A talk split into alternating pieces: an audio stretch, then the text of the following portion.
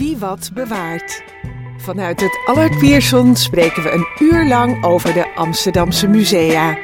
Over de tentoonstellingen, de collecties en het werk van de conservatoren. Wie wat wil weten over kunst en cultuur in Amsterdam, luistert naar Wie wat bewaart. Een wekelijks programma van Amsterdam FM in samenwerking met het Allard Pierson. Vandaag presenteert Jeroen de Vries. Ja, wederom welkom bij de uitzending Wie wat bewaart vanuit de studio van het Allard Pierson.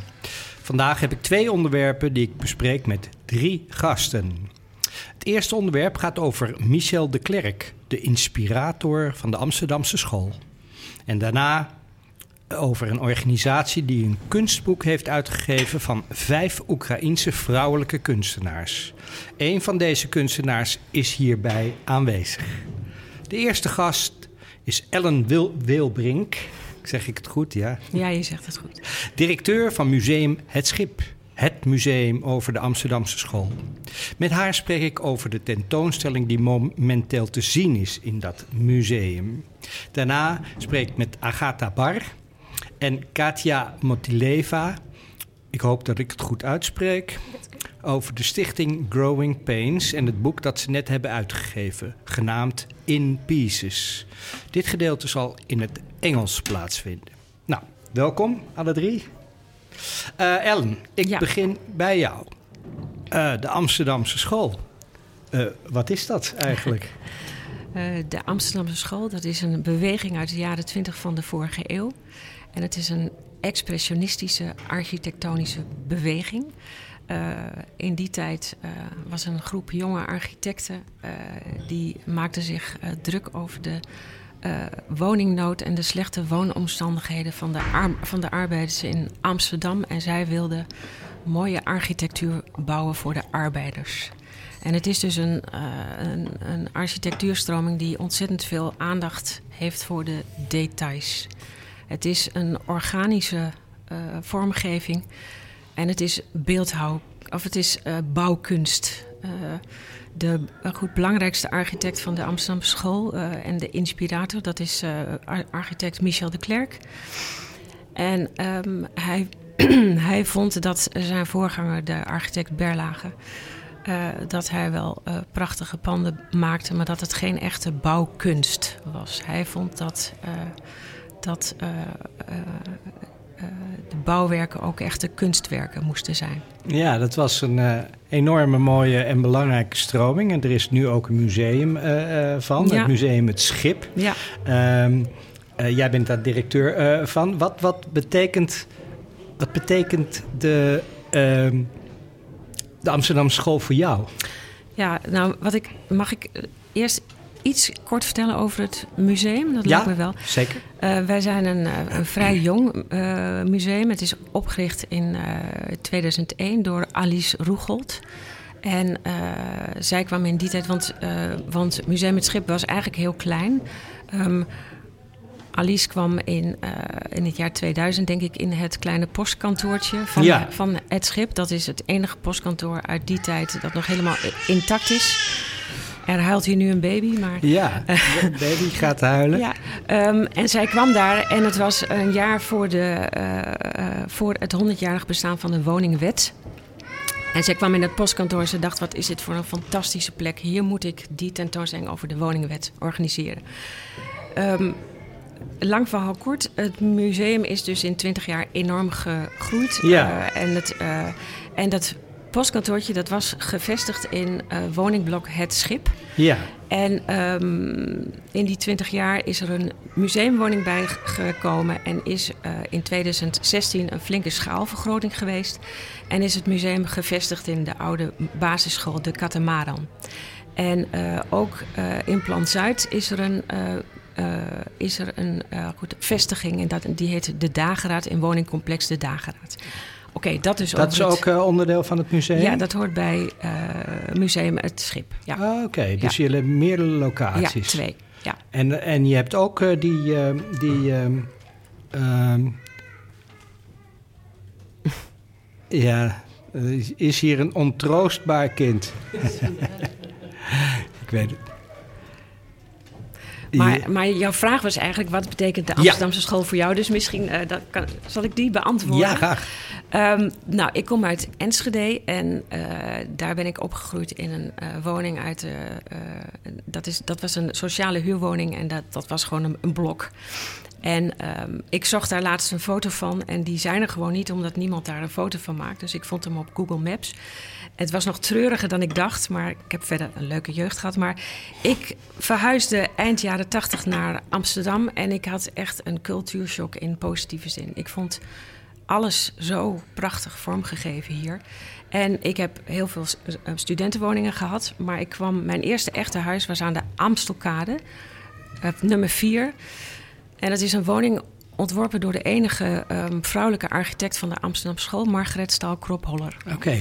En die woning die keek uit op de mooiste brug van de Amsterdamse school, de P.L. Kramerbrug. De brug van Piet Kramer met beeldhouwwerken van Hildo Krop.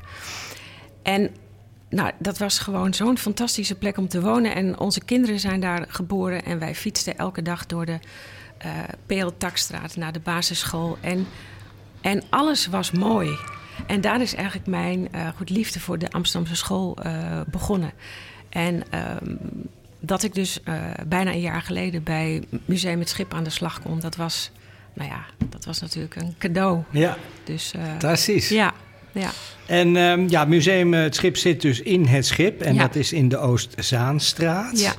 Dat was wel een belangrijke ja, begin eigenlijk voor de, voor de Amsterdamse school. Klopt ja, dat? Ja, dat klopt. Het is eigenlijk...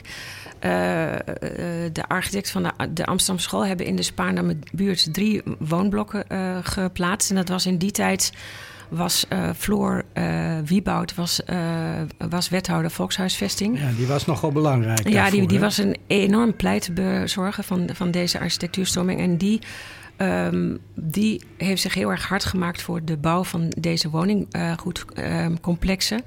Ja, je kunt eigenlijk zeggen, in die tijd was er ruimte om te, te, bouwen. Er was geld en er was idealisme.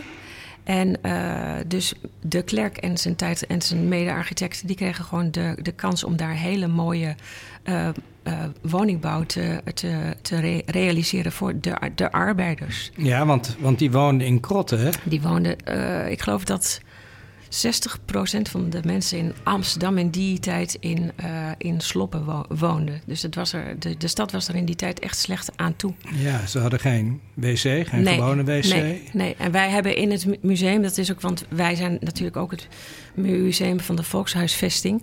Um, en het is grappig, want we hebben dus op het, school, op het oude schoolplein hebben wij een krotwoning nagebouwd. Okay. Dus de bezoekers van het, van, het, van het museum die krijgen ook een inkijkje in de geschiedenis van de volkshuisvesting. Want waar kwam het uit, uit voort en hoe gingen mensen toen wonen?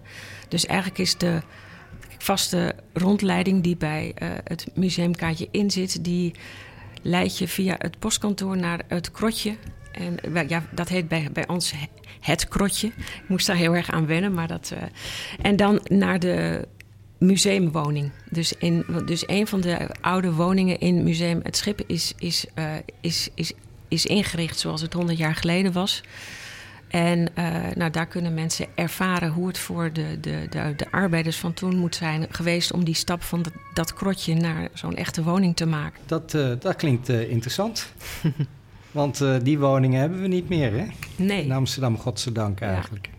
Nou, het is, een, het is een hele charmante woning. Maar, Nee, want uh, er zat natuurlijk ook een uh, um, sociaal uh, aspect aan. Hè? De, de, arbeiders moesten ook, de arbeiders, ja, moesten ook opgevoed worden in hoe ja. ze moesten wonen. Klopt ja, dat? dat, dat dus dat klopt, ja. Het is, het is zelfs zo dat arbeiders in Asterdorp in Noord soms werden ge geplaatst om, om te leren wonen. En dat ze, als ze dat dan geleerd hadden, tussen aanhalingstekens, dan, dan waren ze rijp voor een echte woning. Oké. Okay. Dat is, uh, ja, nou ja, dat uh, nogal belerend, maar ja, dat was zeker. misschien ook ja, nodig. Nee, dat klopt. Ja, dat, daar valt nu genoeg over te zeggen. Maar, uh, nee, en wij hebben in het museum hebben wij op de eerste goed verdieping een algemene inleiding of een algemeen verhaal over de Amst Amsterdamse school en al haar facetten. En op de tweede verdieping organiseren we tijdelijke tentoonstellingen. en op dit moment is er een, een tentoonstelling over Michel de Klerk. Want het is op, op 24 november was het 100 jaar geleden dat hij is overleden. Hij is maar 39 jaar geworden. En ehm, hij is overleden op zijn verjaardag. En wij vonden het heel belangrijk uh, om die tentoonstelling over hem te maken, omdat wij enorm schatplichtig aan hem zijn, omdat het museum in zijn schip uh, gesitueerd is. Maar ook omdat hij dus de uh, in inspirator en de wegbereider van de Amsterdamse school was. Ja, hoe ziet die tentoonstelling eruit? Wat laten jullie daar zien? Nou, het is, het is wel grappig om te zeggen. Kijk, ik werk dus sinds een jaar in het schip. En het is een ontzettende uh, rijke werkomgeving. En elke dag ontdek je nog iets anders dat zo, prachtig is vormgegeven. En toen wij deze tentoonstelling aan het voorbereiden waren, toen hebben we met uh, onze vormgever Designwolf hebben we dus bedacht: hoe kunnen we nou de klerk iets teruggeven? We hebben eigenlijk een eigenlijk heeft hij ons een kunstwerk geschonken en wij hebben dat met deze tentoonstelling proberen voor hem te doen. De tentoonstelling is vormgegeven in de kleur van de rode uh, Groningse baksteen, waar het schip van is, van, uh, van, is opgebouwd. En de tentoonstelling volgt de organische vormen van de Amsterdamse school. En wij willen met deze tentoonstelling eigenlijk het een, uh, een compleet beeld van Michel de Klerk neerzetten. Want hij was naast uh, buitengewoon uh, goed architect, was hij ook een, ook een hele goede kunstenaar. Want hij kon heel goed tekenen. En hij heeft heel veel meubels ontworpen. Want voor hem was eigenlijk de binnenkant van een woning net zo belangrijk als de buitenkant. En mm, nou ja, als je dus deze, uh, deze tentoonstelling uh, bezoekt, dan kom je eigenlijk in de wereld van Michel de, de Klerk en zijn tijdgenoten. Want uh, wie was Michel de Klerk? Kan je iets over hem vertellen, over zijn ja, leven? Zeker. Hij werd in 1884 geboren in de buurt van het Waterloopplein, in de toenmalige Joodse buurt. Hij was de zoon van een, van een diamantbewerker. Uh, en zij woonden in een arme buurt, maar ze waren zelf niet heel arm. Maar ik denk, we denken wel dat daar zijn idealisme is ontstaan en zijn uh, drang om, uh, om te zorgen voor goede woningen voor de arbeiders. ik denk dat hij daar veel leed heeft gezien. Um, hij kon dus goed tekenen en hij kwam op zijn veertiende terecht in, bij um, Eduard Kuipers, um, architect en de neef van Pierre Kuipers. Um, het um, architectenbureau van Eduard Kuipers zat naast het Rijksmuseum. En dat was eigenlijk een, een plek waar de klerk de goed, eerste goed kneepjes van het vak heeft leren kennen. En het was een zeer leerzame en inspirerende periode. En daar heeft hij ook mensen ontmoet met wie hij eigenlijk zijn hele leven is blij, blijven samenwerken. En hij is, daarna is hij uh, terechtgekomen op het architectenbureau van, Baan, van Baanders. En de familie Baanders heeft een uh, goed belangrijke rol gespeeld in de ontwikkeling van de Klerk als architect. En hij heeft daar ook zijn eerste eigen opdrachten gekregen. Ja, leuk. Ja, want hij, hij begon, ik, nou, ik heb begrepen dat hij begon met een huisje te uh, ontwerpen... wat ook gebouwd is in Uiterhoorn. Ja. Ja, nou, ik, ik Tamerlaan. Weet, ja. Tamerlaan, ja, ik ja. weet dat, want mijn uh, uh, schoonfamilie woont daar vlakbij. Ja. Ze wilden het slopen volgens ja. mij ook, maar dat is niet gebeurd natuurlijk. Nee, dus dat is met, met, met, met hulp van, van erfgoedvereniging Heemschut... hebben ze dat in, in stand weten te houden.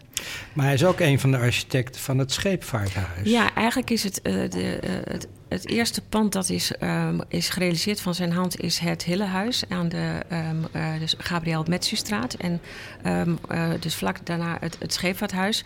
En het um, Scheepvaarthuis was echt een, uh, een goede samenwerking met uh, Johan van, van der Meij en met Hilde Krop. En um, dat wordt wel gezien als het, het summum van de, de Amsterdamse school. Ja, maar, maar dat was voor hele rijke ja, scheepvaart. Dat klopt, ja. Mensen. Ja, maar het is een heel belangrijk uh, architectonisch gebouw. Ja, ja dat zeker. Klopt, ja. Ja, en daarna kwamen de sociale uh, woningen, onder andere het schip. Ja, het schip en uh, in plan in Plan Zuid. Eh, Ja. bij de dageraad heeft de klerk heel veel huizen gemaakt. Ja. Ja. Ja. Eh, want eh, eh, Plan Zuid was van Berlage. Ja. En eh, eh, Maar eh, dus Berlage heeft zeg maar de eh, grote lijnen uitgezet voor Plan Zuid. Maar, hij heeft, eh, maar de eh, woonblokken die daar zijn gerealiseerd, die, die zijn eh, vormgegeven door de, de architecten van de Amsterdamse school. allemaal, allemaal Ja, van de Amsterdamse school. Ja, Oké, ja, nou ja, grotendeels. grotendeels, ja. ja. En eh, ja, nou ja, goed, daar heeft de dageraad heeft hij daar ook. ik geloof alleen het, de voorgevel. Hij mocht niet alles doen. Nee, dat de klopt. klerk. Ja, ja, ja. En nee, maar wat ik, wat, ik, wat ik wel interessant vind aan de, de klerk is.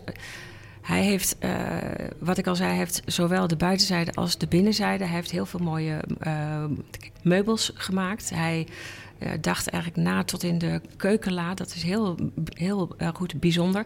En wat ik heel erg mooi vind aan onze tentoonstelling is dat je dus ook ehm, eh, objecten ziet waarvan ik niet wist dat ze van hem waren. En ehm, wat ik bijvoorbeeld heel erg mooi vind, hij heeft een klok gemaakt voor, voor roeivereniging De Hoop. En eh, dat is eigenlijk dezelfde klok, vermoeden wij, die ooit in het postkantoor, die hij, hij ooit heeft ontworpen voor het postkantoor, maar die nooit is uitgevoerd. En die klok die hangt nu in, die, in de tentoonstelling. Ja. En het is een enorm ding, maar hij, het is prachtig en het is een soort spel van, van, van schaduwen ook. En, eh, want wat heel bijzonder is aan de Amsterdamse school en aan de, de, de, de ontwerpen van de klerk, is dat hij heel erg nadacht hoe de zon eh, de, de, de vormen weer weergaf op de muur. Dus er zitten natuurlijk hele aparte sculpturen in. Het, zijn echt, eh, eh, het is echt baksteenkunst.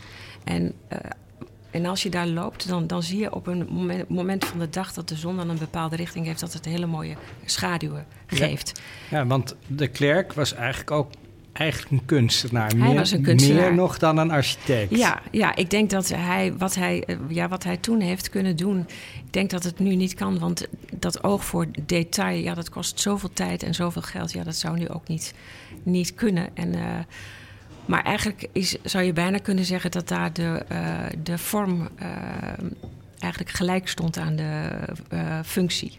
Ja, En, dat was eh, voor hem heel belangrijk. Ja, dat, dat was voor hem heel belangrijk, ja. En, eh, en hij heeft zich daar ook enorm op uitgeleefd. Het is gewoon één groot kunstwerk. Wat ik, al, wat ik al zei, wij werken in het schip.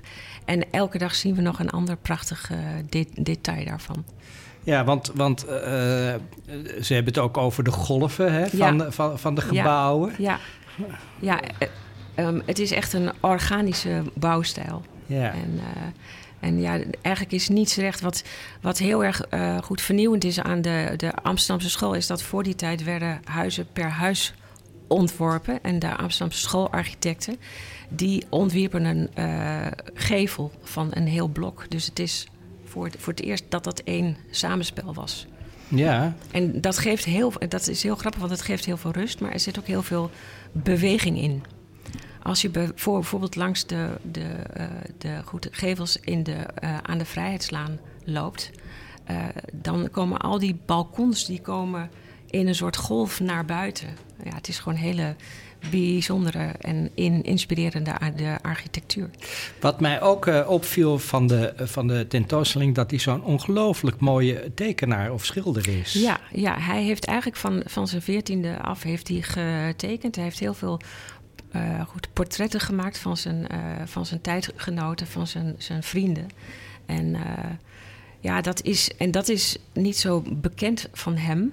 Dus wij vinden dat ook heel erg fijn dat we dat hebben kunnen tonen. En ehm, het nieuwe instituut heeft heel veel van, van zijn tekeningen. Want wat je dus ook op de, op de tentoonstelling ziet, hij deed in die tijd heel veel mee aan prijsvragen. En voor die prijsvragen, eh, daar kun je natuurlijk helemaal eh, losgaan eh, qua creativiteit. En dat zijn utopische tekeningen. En eh, daar is heel veel niet van ge- gerealiseerd. Maar het geeft wel een beeld van zijn. eh, van de droomgoedwerelden die hij eh, wilde scheppen. En daar ging hij heel, eh, heel ver in. En, we, en op de tentoonstelling zijn dus een aantal hele mooie tentoon, eh, tekeningen te bewonderen. Ja, onder andere van het echtpaar Roland Holst. Ja, dat klopt. Ja, Tenminste, dat vond ik ja, Fantastisch. Ja, dat klopt. Nou, wat ook aardig is, is dat in die tijd uh, dat al die kunstenaars uh, uh, bevriend waren. Het was in die zin een hele bohemienne tijd en ook een hele um, geëmancipeerde tijd. Want er waren ook heel veel, heel veel goed vrouwelijke kunstenaars betrokken, zoals Tine ba Baanders en... En um, deze kunstenaars die troffen elkaar in het, in het zogenaamde Jopie Hall. Um, dat is nog voor de tijd dat zij ook als, als Amsterdamse schoolkunstenaars bekend stonden. Maar dat was een, een plek, het huis van de kunstenaar Jopie Bremer. En die woonde in een slop. Die woonde in zo'n sloppenwoning. Ja, maar, uh, en daar kwamen ze sa samen. En wat op, opmerkelijk is voor die tijd, is dat de klerk was geheel onthouder en, um, en um, vegetariër. En in het, Jobial kwamen ze samen om te praten, te, te, te discussiëren. discussiëren, te musiceren. Maar er werd geen alcohol um, gedronken. Er werd melk gedronken en er werden apennootjes gegeten. Zo, zo heette dat toen. Apennootjes. Ja, ja. En wij hebben in de tentoonstelling dat Jopiehol nagebouwd. Oké. Okay. Zodat de mensen ook uh, daar een goede indruk van kunnen krijgen. Hoe het toen was. Ja, hoe ze bij elkaar ja. kwamen. Ja, dus het is in die zin een hele, om maar eens een modewoord te gebruiken, een immersieve ten, tentoonstelling. Je wordt helemaal ondergedompeld in de wereld van, van Michel de Klerk en, en van zijn tijdgenoten. Oké, okay, dus jullie hebben het Jopiehol en je hebt een, een krot daar ja, weer gegeven. Dat, dat klopt, ja. Dus het is en jullie, eigenlijk een je heel... zit in, in de Amsterdamse school, het in dus, het schip. Het is dus eigenlijk een heel erg hip museum. Dus, uh, nee, en wat we um, aan, aan het einde van de tentoonstelling hebben ge gedaan, dat vind ik ook heel leuk, is daar hebben we een inspiratiezaal gemaakt. Want wat je gewoon ziet is dat. Uh, uh, de klerk is, uh, is dus heel jong um, overleden. En hij is dus eigenlijk um, overleden voor. En we weten dus niet hoe hij als architect zich verder ontwikkeld zou hebben. wat je ziet is dat hij het. Um, het pand heeft gemaakt voor um, roeivereniging De, de Hoop. En dat, op de Weesperzijde? Ja, en op, op de Weesperzijde. Dat is in de goed, de oorlog gesloopt, uh, helaas. Maar dat pand dat was al veel strakker dan uh, bij, bij goed voorbeeld het schip. Uh, dus de kans is groot dat hij zich ook toch in het nieuwe bouwen... dat hij zich verder had ontwikkeld, maar dat zullen we nooit weten. Um, en wat, wat je ook ziet is dat de naamsbekendheid van de Klerk uh, in de, de, in de uh, dus decennia na zijn dood ook niet heel goed was. Uh, hij is eigenlijk nou, hij is niet in de vergetelheid geraakt, maar het was even niet in de, de mode. En pas in de jaren zeventig is in Amerika is zijn goed biografie geschreven. En toen kwam in de jaren negentig een, een tentoonstelling over hem in het nieuwe instituut. Um, en pas toen is het weer. Um, in, wat is het nieuwe instituut? Uh, het nieuwe instituut is wat voorheen het, uh, het, het, het Architectuurinstituut was in uh, Rotterdam. En wat je dus ziet is dat sindsdien de Amsterdamse school weer een, een, een, een revival kent. En dat al die straten ook heel erg zijn op, opgeknapt. Want ik, ik woonde dus aan de, de Amstelkade. En om de hoek was de goed, Holendrechtstraat. En toen ik daar kwam in, in de jaren negentig... Nou, de Holendrechtstraat was er verschrikkelijk aan toe... maar die is nu helemaal in ere her, hersteld. Echt prachtig. En wat je dus ook ziet is dat, uh, dat, dat uh, goed, kunstenaars zich laten in, inspireren... door de, de Amsterdam School en door de Klerk. En we hebben dus aan het einde van de tentoonstelling... een inspiratiezaal ingericht... waar je dus ziet hoe um, hedendaagse kunstenaars zich door hem uh, goed laten inspireren. Ja, dat is wel interessant, want ik zag ook in die tentoonstelling een foto uit 1924, dus een jaar na zijn dood, van allerlei buitenlanders die ja. met de auto gingen kijken hoe, hoe er gebouwd uh, werd ja. uh, van de Amsterdamse school. Ja. En daarna is dat dus echt een beetje in de vergetelheid gegaan. Ook misschien door het nieuwe bouwen. Dat was een andere, zeker. het was veel strakker en zo. Ja, ja. En dat is nu terug en ja, het is nu toch wel wereldberoemd, zou ik zeker. zeggen. Zeker, het is goed, goed wereldberoemd. Nou, wat nogal grappig is om te zeggen, wij hebben deze zomer een, een tentoonstelling georganiseerd over de Japanse architect Sutemi Horiguchi. En hij kwam in uh, 1923 uh, in, in, in Amsterdam en hij werd ontzettend geraakt door het werk van de klerk. En hij heeft dus ook, hij heeft dus ook goed foto's gemaakt van het postkantoor toen dat net was op, opgeleverd. En hij heeft dus in 1924 in um, Japan een boek gemaakt over de Amsterdamse school. En, uh, in die tijd? Ja, in die tijd, ja. ja dus, het was, dus hij was toen echt al weer, wereld, wereld, wereldberoemd. Yeah. En wat dus heel grappig is, is dat het verhaal ook gaat dat uh, bij het schip altijd heel veel Japanners kwamen. En dat Alice um, de oprichter van het schip ook uh, zich afvroeg van waarom zijn al die Japanners hier? Maar dat komt dus omdat in 1924 een boekje is, is verschenen over de Amsterdamse school. Hey, en hij is in, uh, op zijn 39ste op zijn verjaardag ja. overleden aan ja. een longontsteking, ja. begreep ik. Ja. Uh, dat is heel jong. ja nou, er was een begrafenis. Ik heb ook begrepen dat Karel de Basel van de Basel op weg naar die begrafenis ja, is het overleden. Was een, het was een, uh, een goed zwarte dag voor de, voor de Nederlandse architectuur. Ja, ja. dat kan je wel zeggen. Ja. Uh, maar nu staat hij weer in de, in de belangstelling. En hoe, hoe zijn jullie uh, tot deze eeuw, hoe heb je die tentoonstelling gemaakt? Je hebt mij verteld over de Schippersacademie die, ja, die jullie hebben. Ja, ja, het is zo dat uh, bij, bij Museum met Schip werken heel veel uh, studenten. Uh, kunstgeschiedenis, architectuurgeschiedenis studenten. En zij werken bij ons in de keuken en achter de kassa. En zij doen het gidswerk. En zij heten bij ons de schippers. En deze schippers die kunnen binnen het museum doorgroeien. Uh, en zo, uh, zo zijn er ook schippers die als uh, junior curator verbonden worden aan een, aan een tentoonstelling. En voor deze tento tentoonstelling is Jorne van den Berg ingeschakeld, die al een aantal jaren bij het schip werkt. En hij studeert stadsgeschiedenis en um, hij is begeleid door Ton Heidra, de senior curator. Okay. En het is dus, wij vinden het dus heel leuk om de jonge mensen gewoon op een laag drempelige manier alle facetten van het museum uh, te leren kennen.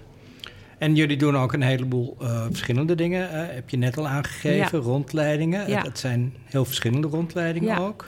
Ja, we hebben bustochten, we hebben boottochten, we hebben fietstochten. Je kunt het zo gek niet bedenken of we goed bieden het aan. Want het grote voordeel van de Amsterdamse school is dat het in de hele stad en in de hele wereld te uh, zien is. Dus uh, zo, zo hebben wij een hele fijne, fijne fietstocht die heet De Brug op met Kramer en Krop. Dus nee, dus wij kunnen eigenlijk. Piet Kramer is dat? Ja, ja, architect ook. Ja. En ook een hele, hele belangrijke van de, uit, van de Amsterdamse school. En een goede vriend van Michel de Klerk. Zeker, ja. ja. Begrepen? Ja, nee, wij, uh, wij, wij bieden dus een heel breed, uh, breed uh, programma aan. En hoe kunnen mensen op dat hoe kunnen mensen daaraan deelnemen? Nou ja, wij hebben een, natuurlijk een hele mooie website, hetschip.nl. En daar kun je alles vinden over het schip. Okay. En daar kun je je ook aanmelden voor, de, voor alle activiteiten. Goed, dankjewel. Nou, ik ik zou zeggen, ga naar deze uh, tentoonstelling. Echt heel uh, bijzonder. Uh, ja, het schip zit in de uh, Spaarndammer buurt natuurlijk. Dus echt ja. een beetje buiten het centrum. Ja, ja. Dat komt eigenlijk, vind ik zelf, altijd door de, spoorlijn die daar ja. ligt. Ja. Maar toch komen er een heleboel ja, gasten, maar ook buitenlanders bij jullie. Ja, zeker. Ja, wat ik altijd zeg is dat de Goed Grachtengordel is natuurlijk prachtig en heel, heel belangrijk. Maar buiten de Goed Grachtengordel is ook heel veel moois. En uh, ja, je moet iets verder lopen of fietsen. Maar uh, ik zou zeggen, uh, het is denk ik voor de kanon van Amsterdam ook heel belangrijk dat de, de bezoekers van buiten dat ook weten. Dat er daar buiten ook gewoon heel veel moois is. Ja, en dat weten ze ook. Tenminste, ja. dat zag ik. Er ja. toch wel veel buitenlanders ja, die ook bij jullie komen. Dat klopt, ja, ja. Ja, dat komt omdat het gewoon toch weer... Nou, ik wil niet zeggen in de mode is, maar het wordt gewoon erkend als, als een hele bijzondere stroming. Oké. Okay. Nou, dankjewel uh, voor dit interview. Uh, heel interessant. Nogmaals, ga naar de tentoonstelling. Ik zal het straks nog wel even noemen. Uh, ja, dankjewel voor dit interview. Dan gaan we nu over naar Agatha Bar. Ja, het, sorry, mijn Nederlands is echt zo diep uh, inge, ingedaald. en Katia Motileva. Uh, en hier schakelen we over naar het Engels. welkom, Agatha. And Katja is with her child a little bit outside the studio, but she will come uh, later yes. because her project is also about the child. Um, I start with you. Um, what can you tell me about yourself? Yes, thank you, Jeroen. Uh, my name is Agata, Agata Bar. I'm uh, originally from Poland. I came to Amsterdam 13 years ago. And since then, I work uh, mostly in the, I mean, in the culture sector and uh, as an editor, curator, cultural producer. And last year, together with two colleagues, Zhenya Sveshinskaya and Daria Tuminas, um, after the full scale invasion in February 2022 in Ukraine, uh, we started our publishing initiative, Growing Pains, um, which came as a personal response uh, since this war and this conflict uh, feels very close to home for all of us, and it really opened personal, cultural, and historical traumas. And uh, uh, this uh, initiative is um, is a publishing initiative uh, initiative working on the um, crossroads of uh, artist books, photo books, and children books. We support female and non-binary artists um, and their stories. And why did you start that and with this subject? Yeah, um, I, that we were all three of us were working professionally, as I said, uh, in the cultural sector here in the Netherlands, but also internationally. Um, and for a while, we are also were thinking about starting something that it's more personal, coming really that maybe it's not so easy to implement within organizations or institutions that we're working with. And Zhenya and Daria were already quite busy with a research about photo photography books uh, or artist books made for children. So that's also a genre that's not very known anymore, or also the fact that actually till the 70s, uh, from the last century, there was photography was actually a big part of children's books, which is also something that uh, when we think children's books today, we think illustrations, but till then it was actually photography. And also those books um, they could be uh, read on different layers. So, for instance, for very small children, that was something you know like pretty and aesthetic, and they could engage in one way. Maybe a bit older children could see something a bit more. Um, you know a different layer of the topic. And also for uh, and for instance adults could read it um, through the, like between the lines maybe uh, uh, actual um, mm, uh, critique of a political system. But you're talking about photo books? Yeah i'm talking about photo books. For children? Yes artist photo books ah, for children. yeah. children. And also about the usage of photography in children's books.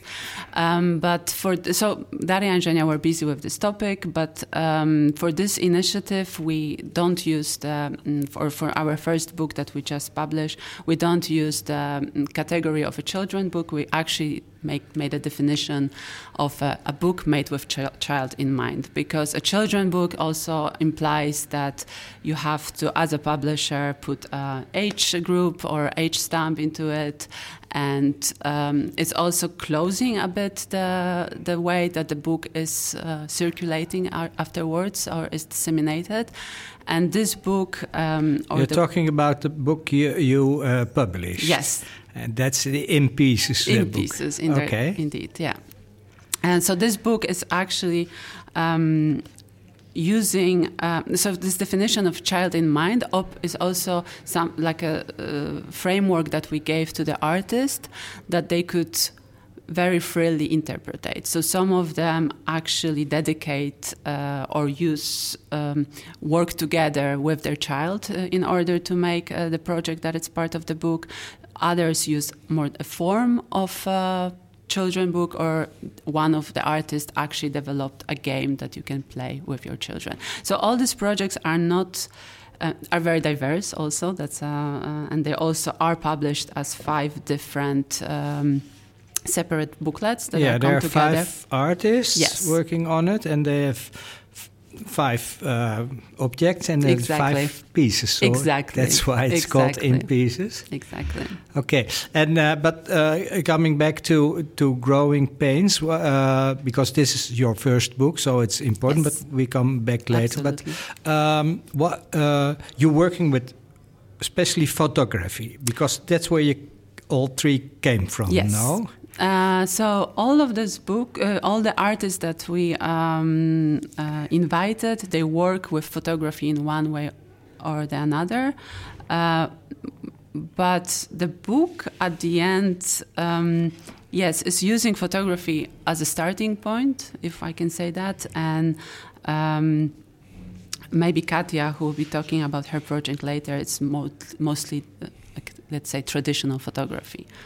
Um, and the rest is, um, yes, we have um, photography made with AI, for instance. We have stereograms, which it's this uh, technique that or uh, that was very popular in the in the 90s. That there is an encoded message that you have to play with in order to see it. Uh, by looking at it. Yes. Okay. And you have to cross your eyes. Um, Oh yeah, that's uh, difficult. yeah. to see. But um, uh, uh, that's we're talking about in pieces later. But why? Why? The, um, what's the importance of growing pains for you? Yes. Um, so, as I said, it's about uh, our mission is to support female and non-binary artists and their stories, and also to um, use the stories and the topics that we're engaging with, um, and uh, create or open conversation about those. So the book is really the first step, is a core of our. Uh, initiative or our project. However, it's only the starting point. So the idea is that we are engaging into activations, and for that, it's uh, workshops that we organize or will be organizing in libraries, at schools. Uh, an exhibition that we're also planning right now, and we really hope that the exhibition can also travel. And um, and also, for instance, we published this um, zine that I have here, which talked more about the process of um, of working together because. Um, Yes, as you said in, in the introduction, for this first project, for the first book, we invited five Ukrainian artists, female artists who are living here in the Netherlands. Um, and of course, the topic is very. Uh, Yeah, the war. yeah, it's the war. I mean, yes and no, because that's also something that uh, uh, we um, we were aware that uh, each of them will be uh, engaging with the topic of war in in a way. However, we didn't impose anything, so that's also our way of working is to uh, create, to come together, create a safe space. Uh, we didn't make um, uh, kind of. We were pretty vague at the very beginning when we actually commit, commissioned uh, all the uh, artists. We came together for a a full day of a workshop or a meeting where we discuss this idea of a child in mind uh, framework, but also how this book or how those projects will be relating to war. And for some artists, for instance, they felt they have no agency to talk about it because, you know, they live here for a really long time. Um, and it's different to talk about what's happening in Ukraine now from the safe space of, um, or from sa- safe distance of the Netherlands. Some of them has been uh, engaging in the topic of war for already from 2014, when actually the war happened, when Russia annexed Crimea and uh, um, Donbass. Um, so um, that was one thing that uh, to create this very open framework, and that's also what I said that maybe this project would not be able, not would not happen in the framework of an institution because institutions are very often, you know, like there is a plan, there is a funding, of course, um, and you know clearly what you're promising ahead. And we took this opportunity to create a bit more free. Um, also timeline uh, because we realize we need more time and also as growing pains so we call ourselves initiative uh, publishing initiative, but we're maybe more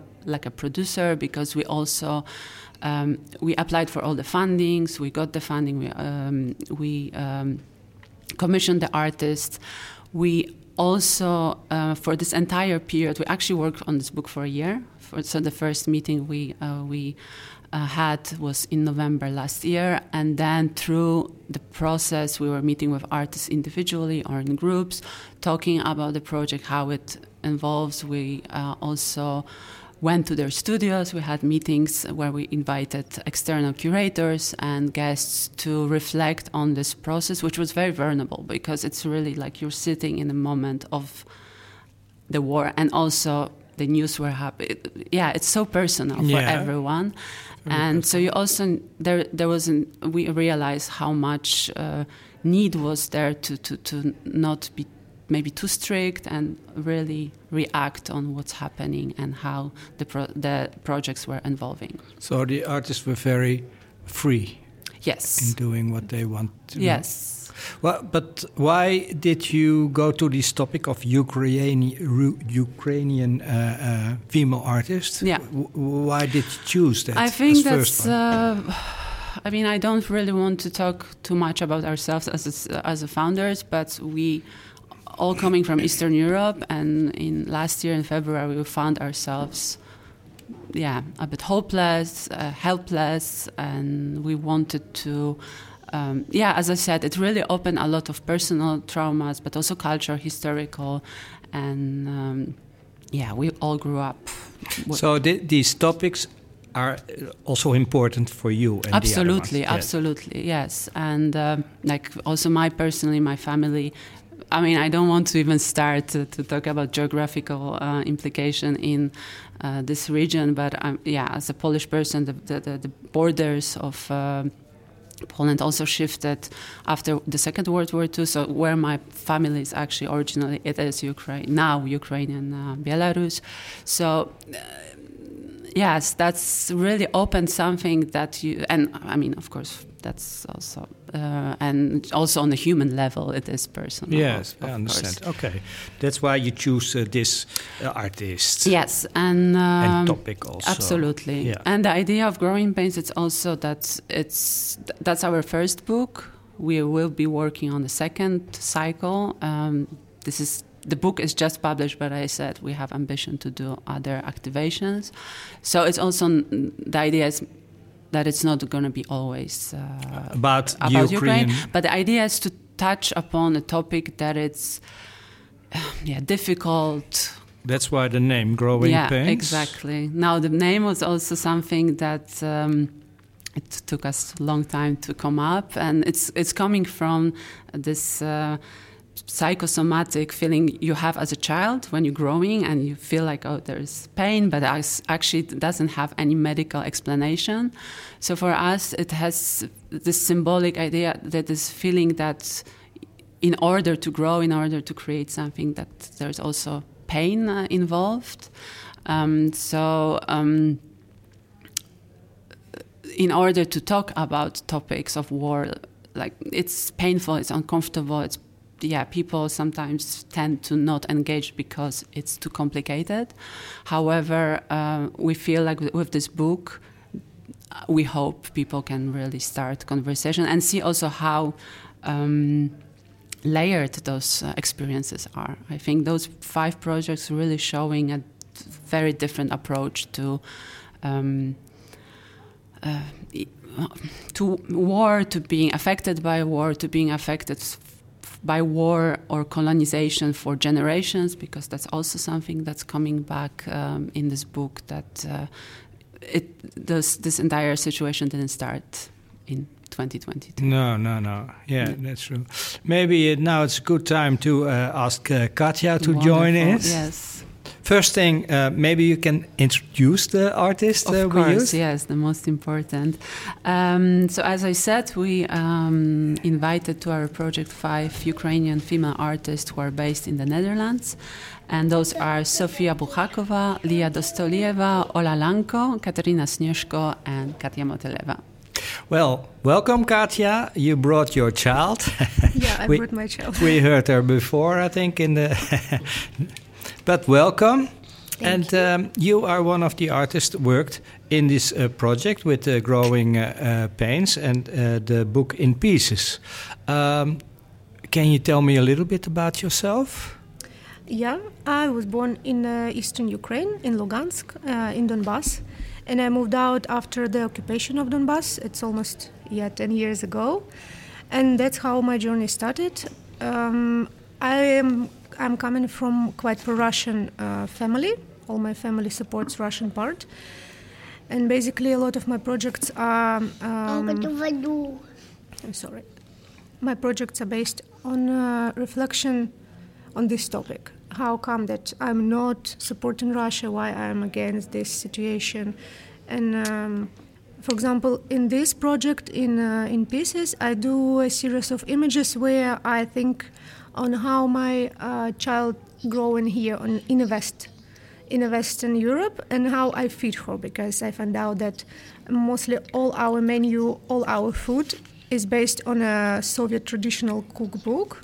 Uh, the Ukrainian food, or also what you do here, what you eat here. Yeah, but it's not even Ukrainian, it's Soviet, Ah. which is quite specific, where a lot of uh, international, um, yeah, I don't know, uh, dishes are um, changed and presented already as Soviet, and we don't know that.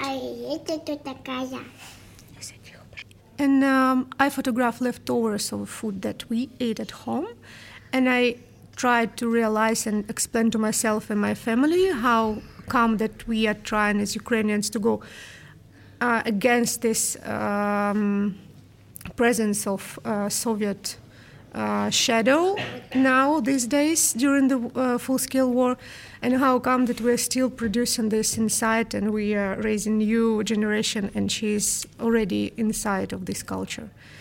Um, Yeah, so you raise your own child also with this culture because you're you uh, you you come from there. Yeah, even if I try to not show her Soviet movies and music and songs, I cannot go against my tastes because it's difficult to live through your childhood again somehow, and everything that I have um, in my memory in the past very much connected to this culture. So, yeah. Of course. Yes, you cannot lose your culture just like that. In one day. No, yeah. not in one day, no. and um, how was it to work in this project, In Peace with Growing Pains? Mm, it was quite good and interesting. I was, um, we were talking um, a lot of times about uh, what is it now for me being Ukrainian here in the Netherlands and how I'm affected by the war and how I feel my uh, future, what I will do, what, how if I see that. And then we were uh, developing, I was developing my project myself at home in my home studio. And um, um, yeah, So, so you talk together with the other artists yeah, before? yeah, yeah, definitely. We had a few meetings, and uh, during uh, quite intense discussions, we uh, came to different ideas and thoughts. And we have also this little booklet that uh, was printed before the final book, where um, all the process and uh, uh, chronology of the conversation is documented. Yeah, Okay. so we did. And how was it emotionally for you to to uh, participate here in the, with, with also with the other uh, uh, artists? Mm, Did you I recognize uh, things uh, with each other or not? Yeah, of course. Um, it was very um, um, complex, I would say. Sometimes relieving because you can share your experience and you see that other people also uh, feel the same. But from the other part, uh, sometimes it was confronting. Um, like I uh, not always agree with others. Yes, bless. uh, not always agree with others. For example, on how we can, yeah, act. What we should do now as Ukrainian artists. What should we do? Shall we uh, protest, or shall we work, or shall we collect money, or is it even uh, allowed to do art these days when other people are suffering? Yeah, so it was also difficult. Well, we talked about growing pains. Uh, the pain is in it, of course.